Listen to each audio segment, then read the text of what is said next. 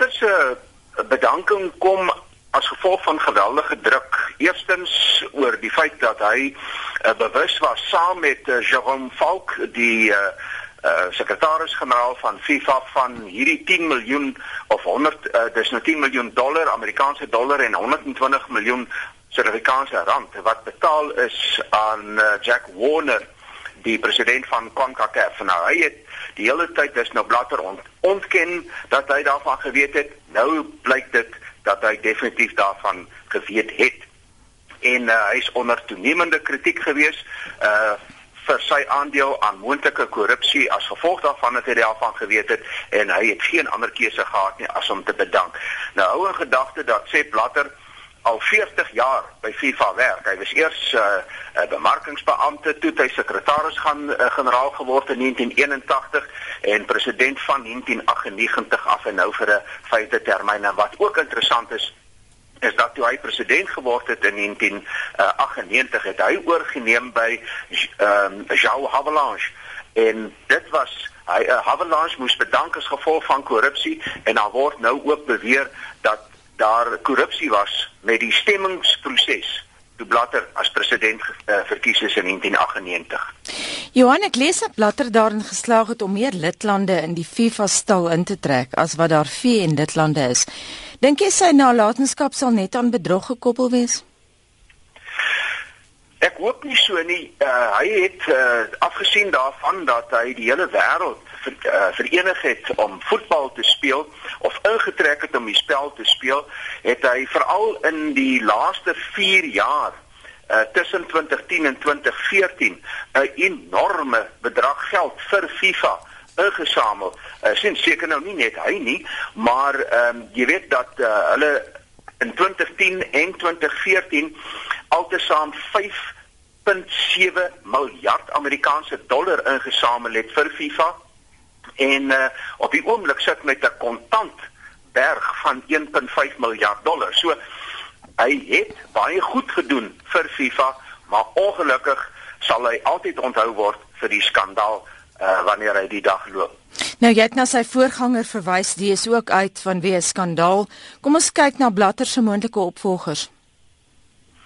Die moontlike opvolgers, ek dink die sterkste kandidaat is uh, die uh president van UEFA, Michel Platini van Frankryk. Uh hy was aanvanklik 'n uh, man wat wou gestaan het vir die presidentskap, maar hy het toe uiteindelik besluit hy sal uh, eerder vir uh, prins uh Ali bin uh ekskuus tog um, wat is uh, die man se naam wat nou sopas ges uh verlore teen uh, hier is nou so baie name wat 'n mens uh uh uh mee gekonfronteer word prins Ali bin Al Hussein die president van uh, Jordanië. Hy het met uh, net 73 stemme gekry ongelukkig hoofsaaklik van die uh, uh UEFA uh, konfederasie en uh, ek dink tussen Michel Platini en prins Ali bin Hussein uh, gaan uh, daar uiteindelik uitgespook word oor die presidentskap. Maar daar is ook ander wat gesê het dat hulle moontlik sal staan. Luis Figo van uh, Portugal uh, Michael van Praag van Nederland en uh, Isa Hayatou van Kef. Hy het ook al laat blyk dat hy moontlik gaan staan, maar ongelukkig uh is daar ook 'n wolk van korrupsie om sy kop en dit is ook 'n lang storie, maar uh uh in praktyk kom dit daarop neer dat ek dink nie met hierdie skandaal rondom FIFA dat uh, Isa Hayatou enigsins 'n kans het om uh, die president van FIFA te word nie. Dink die sterkste kandidaate is Michel Platini en Prins Ali bin Al Hussein. Nou jy het verwys na Jean Avalanche en sy korrupsieaanklagte is ook uit weens korrupsie. Wat van die langtermyn skade aan FIFA? Ek het nou weer Sondag na die media gekyk en koerante gelees oor wat in in uh, diepgaande artikel skryf oor die idee onder mense, en nie net mense in die sokkerwêreld nie, Jan en San Alleman. Die idee dat FIFA doen wat hy wil. Kyk, dit is 'n baie magtige organisasie, maar nou moet 'n mens ook onthou dat in enige samelewing is daar maar altyd mense wat uh, met uh, onderduimse aktiwiteite besig is. Uh jy weet die groot probleem is die mense wat partykeer mag soek en geld soek ook. Uh ons dink byvoorbeeld aan 2010 uh toe die Sunday Times in Londen aangekondig het dat Renald Temari van Tahiti en Amos Adamo van Nigerië uh bekend gemaak het of die Sunday Times bekend gemaak het dat daardie mense hulle stemme uh, verkoop het om die kandidaate aan te wys vir die 2018 2022 wêreldbeker toernooi.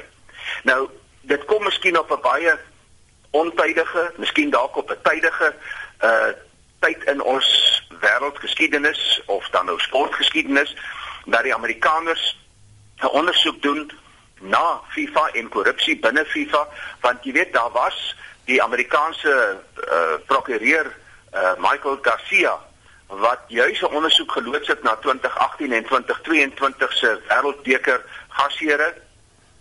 Uh die etiese komitee van FIFA het toe uiteindelik 'n verslag uitgebring en volgens Garcia was daardie verslag van hom heeltemal uh verkeerd wat FIFA uitgebring het. En FIFA het net gesê dit wat jy gesê het en dit wat ons sê verskil wel van mekaar maar die saak is afgehandel.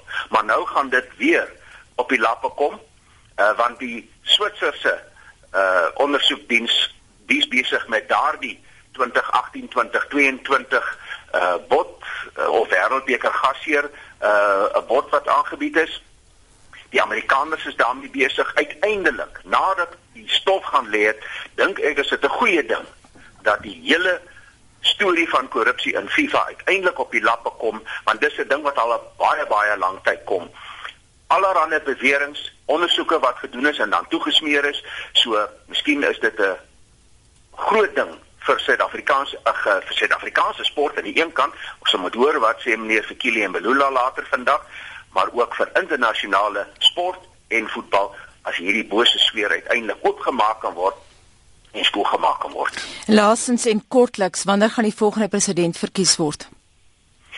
Daar moet 'n 4 maande tydperk verloop nadat uh uh die president bedank het en kennis gegee word aan al die lede in FIFA om 'n nuwe president te kies. So die president kan nie voor Desember verkies word nie, maar hy moet voor Maart maand volgende jaar verkies word.